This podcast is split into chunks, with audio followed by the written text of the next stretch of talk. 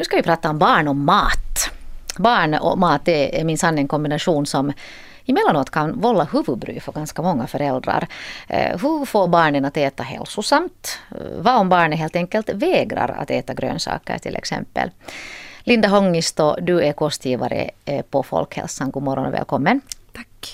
Du drar så kallade smakskolor för eftis, dagis och skolbarn också.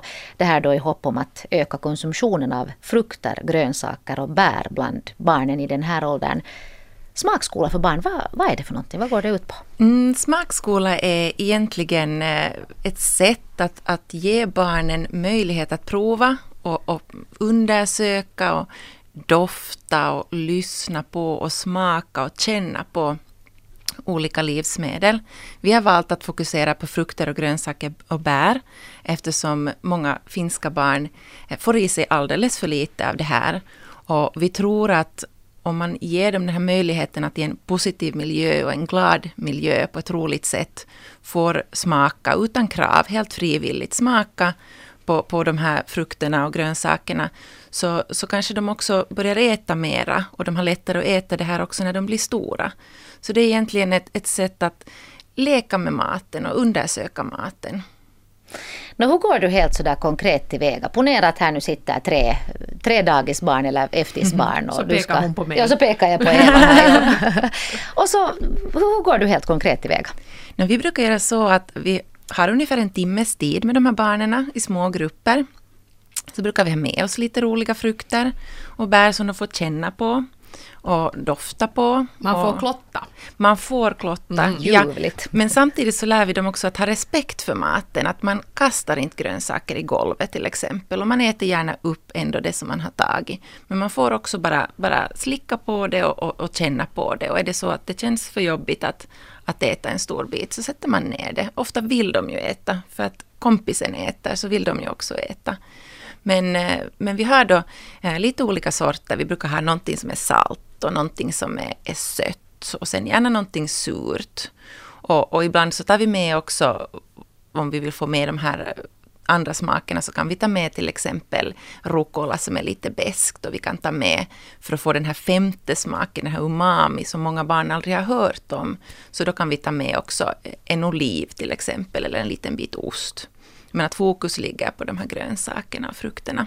Finns det någon sån speciell frukt eller grönsak som som liksom brukar de brukar barnen ändra åsikt om. Liksom någon sån där som överraskar dem. Ja, det som har överraskat mig är blomkål och fänkål. Ja, Ja. Och fänkål. fänkål. ja.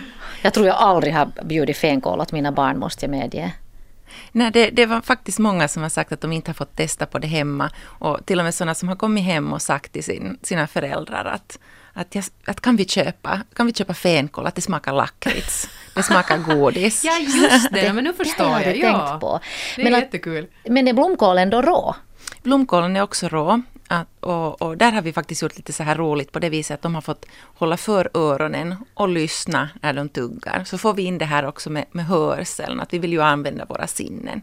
Så då, den är har ju väldigt bra ljud när man tuggar, det hörs. Och så, vet du, de här barnen har ju fantastiska ord för att beskriva det de hör när de tuggar. Men hur är det tvärtom då? Finns det någonting som brukar åka ut i en raka vägen? Nej, egentligen ingenting så här som alla skulle säga att det här är inte gott. Men att någon, visst är det någon som reagerar på lime till exempel, att det är väldigt surt. Men så finns det de barnen som, åh, får man mera? Oj, vad gott. Ja, just det. Här vill jag äta får man mera. lite vodka också? Nej. Hey, men eh, smakskolor för barn, ja det låter bra. Men, men ändå, jag menar fundera lite, behöv, varför måste man ha sånt här? Faller det sig inte naturligt för barn att faktiskt äta det här och få smaka på det här? Ja, jag, jag håller med vad du, vad du säger på det. Man behöver inte göra det så krångligt och märkvärdigt. Och det här är ju något som man kan göra hemma. Absolut, men det finns alltid de här barnen som, som kanske inte får pröva så mycket hemma. Och då är det ju jätteroligt att få, få göra det i grupp med kompisar. Men att absolut, det kan vara att ni går tillsammans hela familjen till affären, titta vad det finns för grönsaker, varifrån kommer de här grönsakerna och frukterna och, och vad har de för färger och former och, och lite förstås också kanske hjälpa barnen att, att hitta att jaha, det här är en trådig konsistens och den här är lite skrovlig den här ananasen. Att det helt, jag tror många föräldrar gör det här väldigt instinktivt på ett naturligt sätt. Men så finns det många av oss säkert som är ganska fördomsfulla också. Jag menar om inte jag erbjuder fänkål åt mina barn så inte får de ju någonsin smaka på det heller. Om inte de går i en smakskola till exempel så här. Eller ja. hur fördomsfulla är vi föräldrar? Um, det är ju, barnen behöver ju inte smaka på allt. Det är helt, helt okej okay om man inte har, har haft fänkål hemma. Men, men, jag behöver inte känna mig som en dålig Nej, inte alls. De hinner. Men det ska vara bra att det ska vara något andra smaker än sött och salt. Mm. Att våga använda lite nya kryddor. Och vi har tyvärr lite fördomar och det finns till och med det här att vi kan säga utan att tänka oss för det här tycker du inte om. Så det här, det här is vi inte ens mm. köpa för det här tycker du ändå inte om. Men att ge barnen den här chansen och lita på dem att att okej, okay, de kanske bara smakar en liten bit, men också det är positivt och det kan leda till bra matvanor senare. Hur är det sen, eh, hur ska man agera som förälder om man vill vara en förebild då? Är det viktigt? Det är jätteviktigt. Vi är ju, vi är ju förebilder hela tiden. Så självklart, om vi säger att någonting är äckligt, eller det här är inte gott och det här skulle jag aldrig äta, så då självklart så fastnar det på barnen.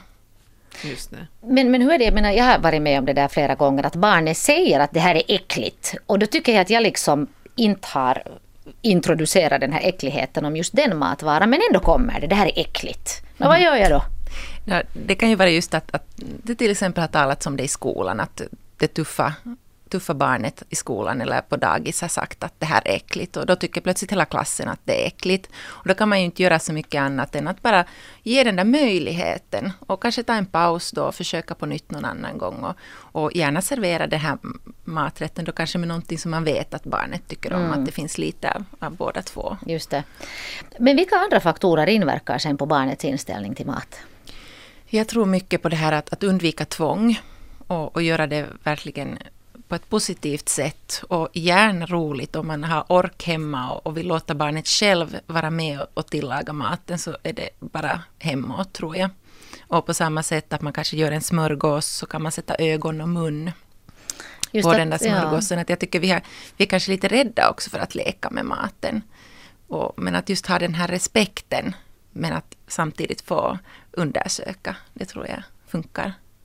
Så här nu mitt i vintern så är det ju på något sätt lite begränsat just med, med grönsaker och framförallt med färska bär vad man nu hittar. Vad skulle du kunna, kan du tipsa om någonting som man ändå skulle kunna sådär i testsyfte köpa hem nu? Och testa att ha lite smakskola där hemma? Ja, jag, jag tror nog just på det här som du säger, att, att köpa enligt säsong. Men att visst kan man ju också ha frysta, frysta bär och grönsaker, men att eh, till exempel att testa just alla de här kolsorterna.